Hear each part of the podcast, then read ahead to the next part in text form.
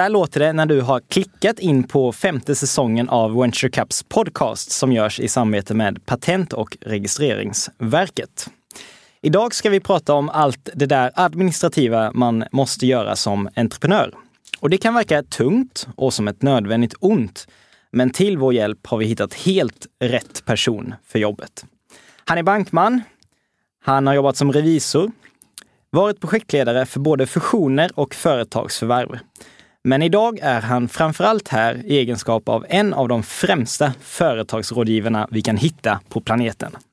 Med hans nätverk och sociala talang är det säkerligen flera av er lyssnare som redan har honom på LinkedIn. Jag säger välkommen till en av SVs främsta, David Philipsson. Oj, oj, oj. Jag står här och rådar när jag hör detta. Eh, tack så hemskt mycket. Väldigt kul att få vara här. Jag är väldigt glad att du är här. David, med ditt nätverk så hade du kunnat starta en egen rådgivning. Har eh, livet som entreprenör någonsin lockat dig? Eh, ja, det har det. Jag ska säga. Det har det absolut gjort. Eh, jag har fått eh, någon typ av kategori på mig från andra entreprenörer som säger intraprenör. Det är en entreprenörssjäl i en, i en större sammanhang, en större organisation. Eh, och det, det, tycker jag är väldigt hedrande. Men det är klart att man, man känner, känner mycket med entreprenörerna och företagarna och man ser på saker och ting ganska lika tror jag. Så att det, kanske i framtiden, vem vet, men inte just nu. Och en vanlig fråga till dig måste ju då i så fall vara, vad behöver man tänka på när man har en affärsidé? Så du jobbar ju nu inom SCB och du möter många entreprenörer, många nystartsföretagare. Och eh, vad, vad, brukar du ge för råd? Vad är det första man ska tänka på? Mm. Som sagt, jag jobbar ju som kundansvarig som du säger på SCB och, och stöter på många företagare som kommer med idéer och är i idéfasen och även de som kommit en bra bit på vägen. Eh, men jag skulle säga nummer ett är väl att fila på din affärsidé.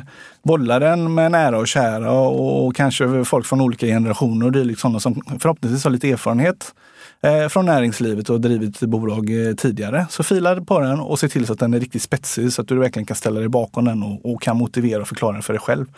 Eh, sen steg nummer två ska jag säga är att administration är all ära, men jag tycker att det finns väldigt bra forum i dagsläget som underlättar och gör det enkelt eh, i att, eh, att komma runt det där med administrationen, eller komma igenom den. Och då finns det bland annat verksam.se som, som är eh, ett, eh, ett eh, samarbete mellan Bolagsverket och bland annat Skatteverket. Det finns säkert mer institutioner som är involverade i det där, men jag tycker det är väldigt bra, väldigt enkelt och lättförståeligt att liksom sakta men säkert beta sig igenom den formalien som krävs. Så först har jag alltså bollat min idé och det har förhoppningsvis gjort här nu med en fotodelningsapp som vi har följt i säsongen här. Sedan går jag in på verksamt.se. Vad, vad möter jag där? Eh, på verksamt.se så får du gå igenom olika steg i form av vad ska du ha för bolagsform? Vad ska, bolaget, vad ska du ansöka om i så fall om du ska ha ett AB? Eh, vilket är väl det vanligaste, men det måste det inte heller vara. Det kanske är så att du ska börja som en enskild näringsverksamhet. Och då får man också vara med på att då är det inte bolaget man kan ställa sig bakom utan då blir det du som fysiker och privatperson som är skyldig eller som är ansvarig för skulderna eh, i verksamheten du liksom bidrar till eller som kickar igång. Eh, men om du nu kommer fram till att du exempelvis då ska ha ett AB, vilket är det vanligaste, så, så är det ju mycket vilken styrelse du ska ha, eh, vilka ska, vilken typ av verksamhetsinriktning. Du kommer in på detta med SNI-koder exempelvis och det är liksom vilken typ av branschinriktning du kommer ha. Eh, jag ska säga att den är väl inte jätteviktig, att det måste vara exakt exakt, utan det är en grov beskrivning om vilken inriktning du ska, du ska in med i ditt bolag. Det är många steg att gå igenom helt enkelt. Men, men det första här du säger, mm. bara så att jag är med. Mm. Eh, bolagsform. Mm. Du säger AB och enskild firma. Finns det några andra bolagsformer som man ska tänka på och fundera på om man ska starta? Ja, handelsbolag är ju ett av de här och det finns även eh, kommanditbolag. Eh, nu tycker jag man ser det blir mindre och mindre vanligt med handelsbolag och kommanditbolag. I och med också att man har sänkt ingångströskeln till att skapa ett AB. Tidigare var det 100 000 du behövde, nu behöver du 50 000 aktiekapital. Så att eh, jag skulle säga att kan du få de där 50 000, då skulle jag nog ändå rekommendera att du går in och startar ett AB. Har du inte det, ja, då är det nog enskild näringsverksamhet om du vill köra och driva det själv och alternativt ett, ett eh, handelsbolag om det är tillsammans med någon annan som du ska bedriva det. Eh, det är också där finns också väldigt bra förklaring kring för och nackdelar med vilka olika bolagsformer som finns på verksam.se. Eh, och även om du googlar lite, vilket jag även gjort eh, inför den här sändningen och tittat på, så finns det bra, bra matriser och bra sätt att kunna se på för och nackdelar. Men jag skulle ändå vilja säga att eh, kan du få upp den där 50 000 så skulle jag säga att då är det, då är det AB att rekommendera och det är väl det som de flesta gör också.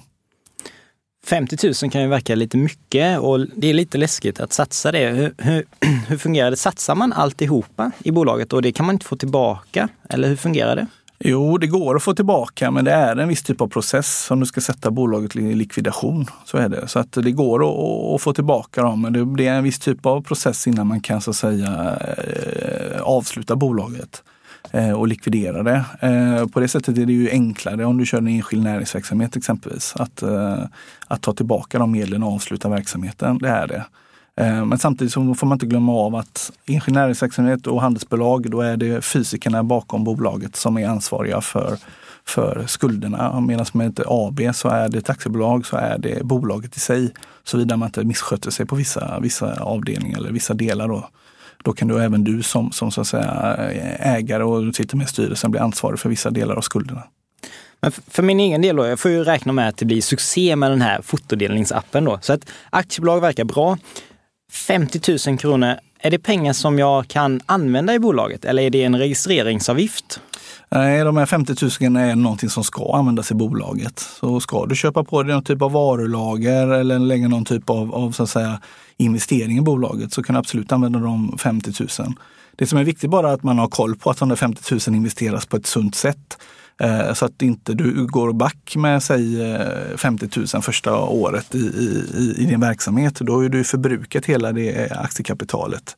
Så det gäller att man, man, man tänker till lite grann där och där tycker jag också att det ska man använda sig av bland annat banken som en rådgivning i tid, tidigt skede och få, få lite tips och tricks kring hur man ska tänka och bland annat hur, hur, hur man ser till så att man har en långsiktig verksamhet framför sig.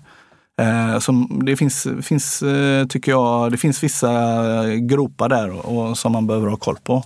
Men framförallt använda de där 50 000 på ett eh, smart sätt. Så jag väljer aktiebolag och jag lägger in 50 000 kronor. Är det några andra kostnader som uppkommer i samband med registreringen? Ja, då måste ju registrera bolaget till exempel. Så det finns en registreringsavgift hos Bolagsverket. Jag har inte exakt hur mycket den ligger på. Jag tror det är någonting mellan 2 till 3 000 om inte jag missminner mig. Eh, så det måste du göra också. Eh, och det är väl egentligen framförallt de två bitarna. Du registrerar bolaget och sen också aktiekapitalet måste komma in och du ska få ett bankintyg. Och det kan man också kan jag påminna om att göra det via verksam.se jättesmidigt. Eh, tidigare köpte man mycket lagerbolag och det är bra om det ska gå snabbt, eh, men det kostar pengar de som som så att säga ger ut lagerbolag. Och lagerbolag är, vad är det för någonting? Lagerbolag är egentligen ett redan färdigt bolag där det finns ett orgnummer och det redan finns så att säga all formalia på plats. Så du köper det från ett, en, en lagerbolagshållare som har ett antal organisationsnummer eh, och äger dem och helt enkelt eh, säljer dem till dig. Eh, men då tar de å andra sidan betalt några tusenlappar för det. Kör du via verksam.se så kostar det dig lite mindre och det tar lite, lite längre tid men inte så mycket, tid, mycket längre tid tycker jag inte heller. Och, och också en bra grej med verksam.se är att om man kör via där och ska exempelvis ha bankintyg, där bankintyget så intygar att de här 50 000 har kommit in på ett konto eh, hos någon bank, eh, så kan du köra det elektroniskt. Så du kan köra det mejlledes och behöver liksom inte ta, komma in till banken och, och träffa dem bara för bankintygets skull. Sen ska du träffa banken ändå, men inte för den sakens skull. Det kan du göra mer om att prata om framtida affärsupplägg och företagspaket och, och liksom lite grann mer allmän rådgivning om framtiden, inte bara för bankintygets skull. Det är många, många termer att hålla reda på här nu. Det är, först ska man gå in på verksamt.se ja. och så startar man då helst ett aktiebolag om ja. man har 50 000 kronor. Det kostar cirka 2-3 tusen att registrera ett sådant. Och sedan behöver jag ett bankintyg och det är mm. alltså ett intyg om att pengarna finns på kontot och det får jag genom att kontakta er eh, första gången. Ja, egentligen mitt tips är att du, du eh, ser till att ha någon kontaktperson inom banken som är med på att du ska starta igång ett bolag. Eh, och då kommer du behöva den personens eh, e-mailadress. Eh, och anledningen till att utfärda som sagt ett bankintyg är för att vi måste verifiera att det finns 50 000 på kontot. Annars har du de facto inte rätt att skapa ett eh, aktiebolag. Sen finns det ett annat sätt att gå runt det, men det är en helt annan grej. Du pratar om apportegendom och det tror jag inte vi behöver gå in på just nu. Det, Nej, det, det, utan det normala, normala är som sagt med ett aktiekapital. Eh, och, och eh, ja, helt enkelt ha en kontakt med en banken tidigt, få en mejladress vem det är som ska hjälpa dig med bankintyget och så gå och fixa, fixa det via verksam.se. Har du varit den här kontaktpersonen någon gång? Absolut, många gånger. Ja. Många gånger. Eh, och jag tycker faktiskt så här att de flesta brukar vara, jag har aldrig varit med om att någon har varit negativt överraskad av exempelvis eh, metodiken och det som är i verksam.se. Eh, och också det här med det elektroniska bankintyget. Det flyter på väldigt snabbt och väldigt bra. Eh, sen kommer ju en annan eh, utmaning i det hela och det är att hitta ett namn, ett aktiebolagsnamn som ingen annan har ta, tagit tidigare. Så eh, det, å andra sidan så har man ju koll på det hos Bolagsverket så är det någon som, som, som redan finns upptaget eller att man inte får ha det, då kommer de tillbaka och säger att du, du får kanske ta den du har prio 1, prio 2 eller prio 3-listan. Eh, gå längre ner i listan helt enkelt. Men hela den här processen får jag hjälp med på verksamt.se. Alltså det är banken och det är Skatteverket, det är Bolagsverket. Men sen nämner du saker som eh, SNI-koder. Mm. Vad, vad är det för någonting? SNI-kod är en branschkod kan man säga, där man försöker någonstans klassificera bolagets verksamhetsinriktning som man kommer på eller som, någonstans man, man, man, som man frontar utåt i. Vad är, vad är det för inriktning du ska hålla på med? Även när du går in på säg allabolag.se och tittar på, på en verksamhet så ska du ganska kunna kolla på vilken verksamhetsinriktning man har. Säljer man strumpor eller tillverkar man eh, muttrar eller vad är det man gör för någonting? Sen är den liksom inte satt i sten heller, eh, men det är klart att den ska på något sätt kunna beskriva vad det är du håller på med. Det är det. Så finns det då en, en fotodelningskod för min app här som jag håller på att bygga? Eller hur, hur tänker man där? Ska man hitta något närliggande och vad händer om man tar fel? Eh, man kan säga så här att det gör ingenting om det blir något närliggande. Det blir ofta så gott det går. Sen finns det en väldigt bra eh, sida, eh, hem, eh, hemsida för SNI-koder. Det är någon typ av statistikkod också som visar på vilken, vilka typer av branscher, vilka typer av verksamheter som bolagen inriktade på i Sverige. Så det får man inte glömma att det är en statistikkod. Men, men jag tror att man får göra så gott man kan. Det finns en bra sökmotor på eh, en hemsida för SNI, i SNI-koder. Och så får man använda den helt enkelt. Och det gör inte hela världen om det blir lite fel ska jag säga. Det, det, det, det är inte så att det kommer någon polis och knackar på dörren. Utan det är mer att statistiken i så fall blir lite, lite missvisande. Men gör så gott du kan. Mer än så kan jag inte säga. Ja, men det, det låter väldigt skönt där. Jag känner mig väldigt mycket mer avslappnad nu. Jag tror, Ja, jag, jag tror jag ska klara av det här. Det ska inte vara det stora hindret om man säger så. Nej, vad skönt. Du nämnde Skatteverket och eh, moms. Mm. Eh, och jag har hört talas om F-skatt och FA-skatt och det känns som att det är mycket att ha koll på här. Eh, och jag förstår att man kan göra det här på verksamt.se. Men eh, vad blir första steget med skattefrågan? Vad kommer de fråga mig om?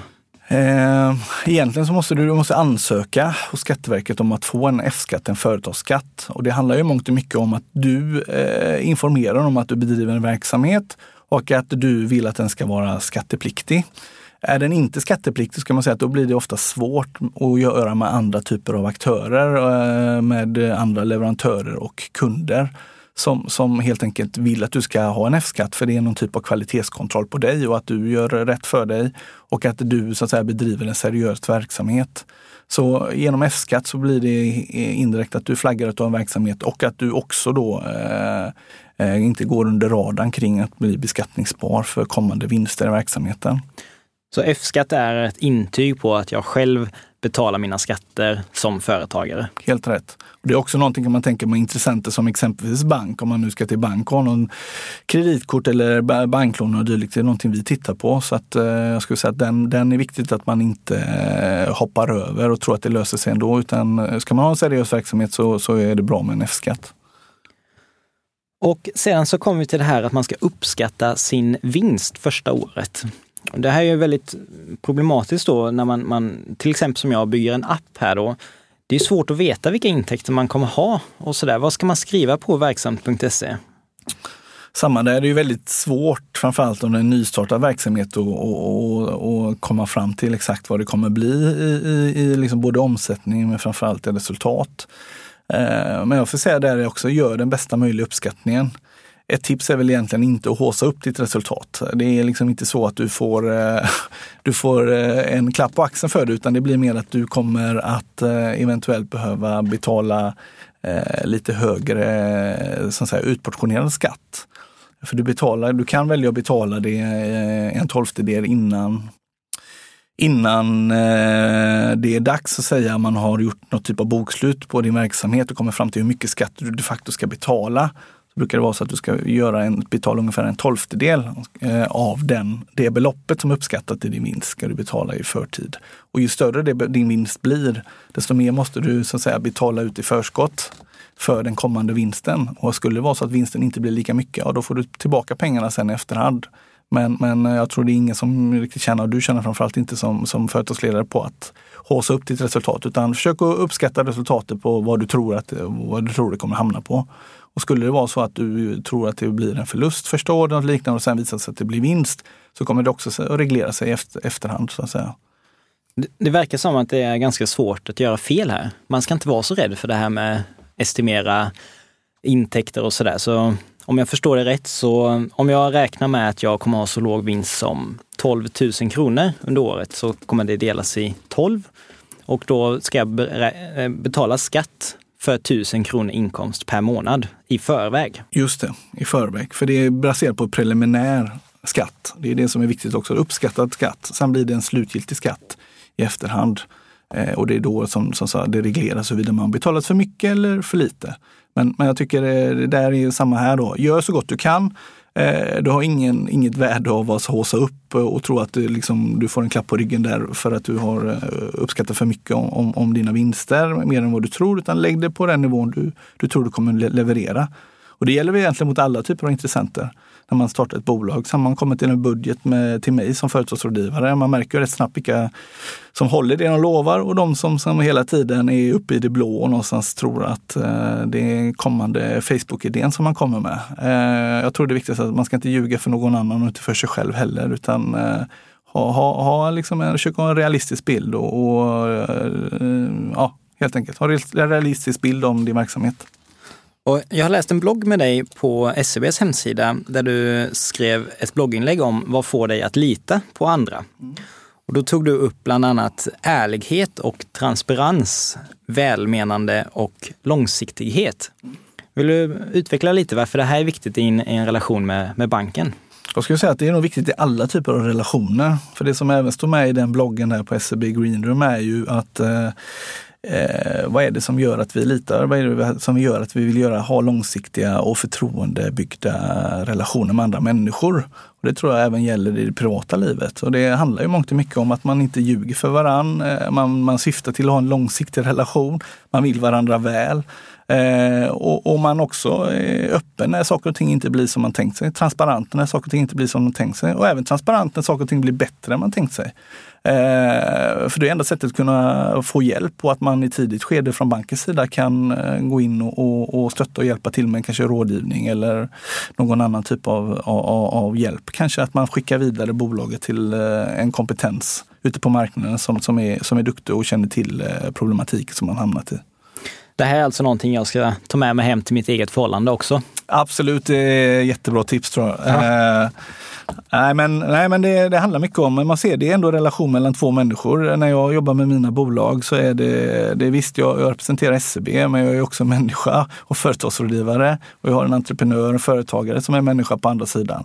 Om det där liksom inte funkar och inte vi litar på varandra, då finns det ganska lite i min värld som talar för att vi ska kunna ha ett väldigt bra samarbete framöver. Just det. Om vi lämnar det här med registreringen, vi säger att vi har gjort den här resan nu på verksamt.se, eventuellt har köpt ett lagerbolag. Då kommer vi till nästa grej som känns som ett administrationshinder eh, och det är det här med bokföring. Vad ska jag, några säger att jag ska lägga ut bokföringen. Vad säger du om det? Ska jag, hur gör man det själv?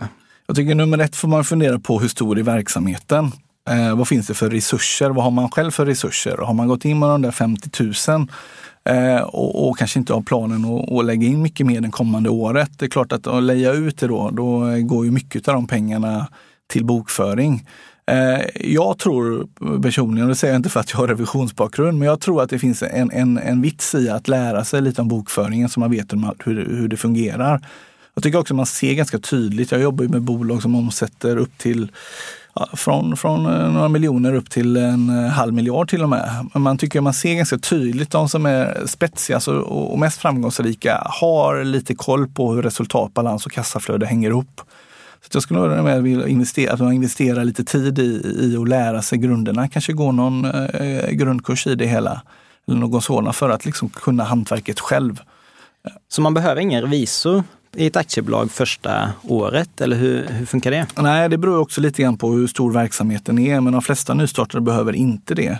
Eh, och, och, jag skulle säga att det blir väl väldigt viktigt sen när man ska ha in andra intressenter och det blir en större verksamhet att man tar in en revisor, för det är någon typ av kvalitetsstämpel. Eh, att man själv har gått lite kurser och lärt sig lite grann om bokföring, all ära, men det kommer ju inte komma upp på den nivån som en revisor har i, i liksom hur resultat, balans och kassaflöde ska se ut.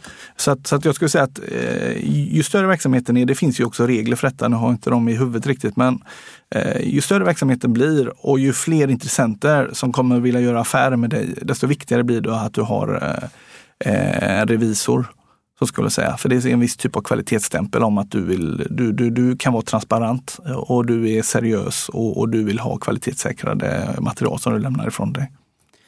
Men först då så lär jag mig att bokföra själv. Och då vet jag att det finns i VentureCaps Startup Package så finns det ett bokföringsprogram som ingår i 12 månader. Så det är lämpligt att använda det, som heter Fortnox.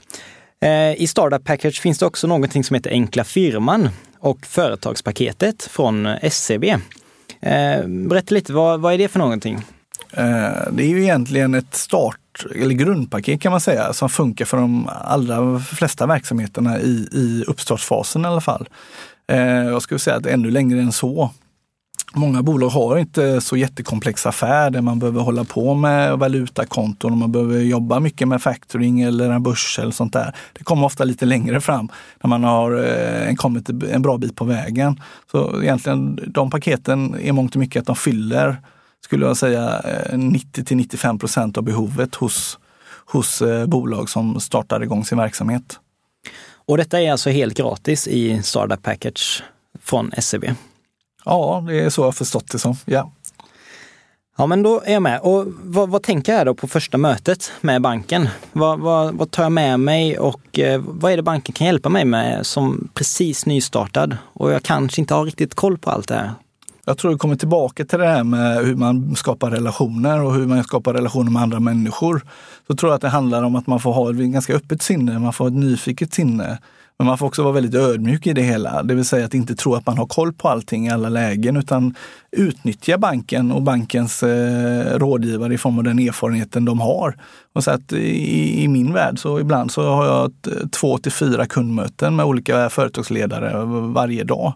Eh, och det är klart att man hinner bygga upp någon typ av känsla kring verksamheter, vilka affärsidéer som håller, vilka som är väldigt sårbara, vad det är som gör att vissa företagare och entreprenörer lyckas väldigt väl och som gör att vissa har större utmaningar, större problem. Så att, eh, jag skulle säga att kom ett öppet sinne, har en tydlig tanke, det är också det här slipa affärsidén, ha en tydlig tanke och kunna lite tanka, eh, tänka lite grann utanför sig själv. Det är väldigt svårt men fundera på om jag hade suttit på andra sidan, hur skulle jag vilja hur skulle jag vilja ha det här presenterat för mig själv om jag hade som företagsrådgivare? Eh, men jag tror också just det här med ödmjukhet. Var inte orolig för att lyfta om det är någonting du undrar över eller har brister. Det, det, det, det är ett tecken på ett seriöst beteende. Att inte chansa utan fråga istället två eller tre gånger för mycket. Det är bra. Så ärlighet och transparent är ett återkommande tema här helt enkelt. Ja. Du säger nu att jag har ganska bra koll på idén. Jag har utvecklat den och bollat den och eh, nu vill jag registrera Eh, och jag vill ta mig an de här administrativa utmaningarna. Har du eh, tre tips till mig? Tre action points som jag kan göra här nu under, under veckan som kommer? Vad är det första och andra? Tre tips ska jag säga. Gå in på verksam.se och följ de olika stegen. Eh, se till att ansöka om F-skatt och titta även på om du kan ansöka om momsdelen så att du är momspliktig. Eh, den andra tipset är att eh, lär dig gärna grundläggande bokföring. Alternativt att ta hjälp av någon i din omgivning som är eh, hyfsat duktig på bokföring. Så att du förstår lite grann hur det hänger ihop. Det är en del av att vara, tycker jag, också en seriös företagare. Och lite koll på det där. Och sist men absolut inte minst den tredje biten är bygg styrelse. Ta hjälp av kompletterande kompetenser kompletterande kompetenser som, som, som någonstans är med och funkar som ett löpande bollplank till dig. Det är också viktigt längre fram om man ska exempelvis jobba mot bank. Titta på vilka personer är i bolaget och vilka personer står bakom bolaget och sitter i styrelser. Så har du, kan du få till en riktigt, eh, riktigt vass styrelse så, så, finns, finns det goda tecken tycker jag på att du, du har kommit en bra bit på vägen för att kunna bli eh, lyckosam. Så då, med de tre tipsen tror jag att vi avslutar. Eh, först, gå in på verksamt.se, registrera dig, tänk även på momsen och F-skatten där. Två, lär dig lite om bokföring. Och tre, bygg styrelse från dag ett. Och jag tackar dig så jättemycket David. Jättekul att du var här. Tack själv, tack för att jag fick komma. Och så hoppas jag att vi ser många av de här lyssnarna i framtiden när de kommer in till oss och, och uh, vill starta bolag. Venturecaps podcast hittar ni på venturecap.se podcast. Det finns även på Spotify, iTunes och Soundcloud. Mitt eget namn är Jonas Kales och jag är grymt tacksam att ni har varit med och lyssnat här nu. Ni ska också få följa med på en startup-fika nu och prata med en riktig entreprenör som verkligen har gått igenom allt det här som vi har snackat om idag. Det kommer bli grymt!